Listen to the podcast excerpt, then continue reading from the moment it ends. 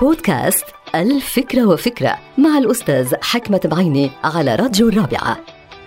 منذ الصغر وأنا حائر بين أن أبني أسوارا من حولي أحتمي بها من حقد الآخرين أو أهدم أسوارا من حول الآخرين لأحتمي معهم بالمحبة.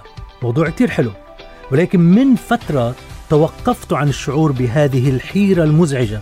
عندما قرأت قولا مفاده أن الأسوار الضعيفة تغري اللصوص وتعرض أصحابها للسرقات المتواصلة. فكيف بالأمر إذ لم يكن هناك أسوارا تحتمي بها على الإطلاق؟ أو على سبيل المثال إذا أنت بنفسك هدمت الأسوار اللي أنت بتحتمي فيها وشرعت أبواب اللصوصية والفساد من حولك.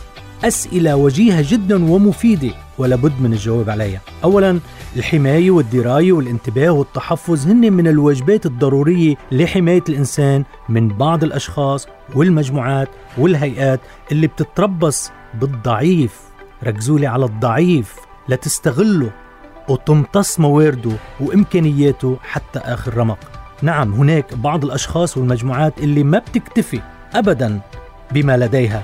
ولا بتحترم حقوق الآخرين بل تعمد إلى سرقة الآخرين واستغلالهم وانتهاك حقوقهم الطبيعية والإنسانية كلما سنحت الفرصة بذلك. خليني أعطيكم مثل مصير بعض الأشخاص اللي بيشتغلوا ليلا نهارا ليخترعوا فورميلا معينة أو منتجا معينا أو تقنية معينة لتحسين وضعهم في السوق التنافسي.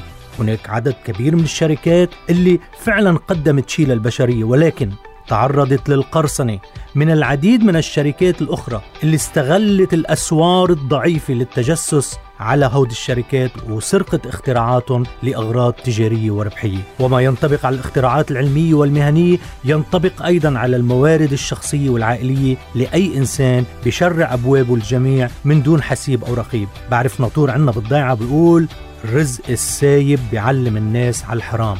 أي إن من لا يهتم ويحفظ رزقه وحقوله الزراعية بيسمح للآخرين بقطف ثمار تعبه وسرقة أرضه اللي هو فلحها وزرعها وحصدها بعرق جبينه.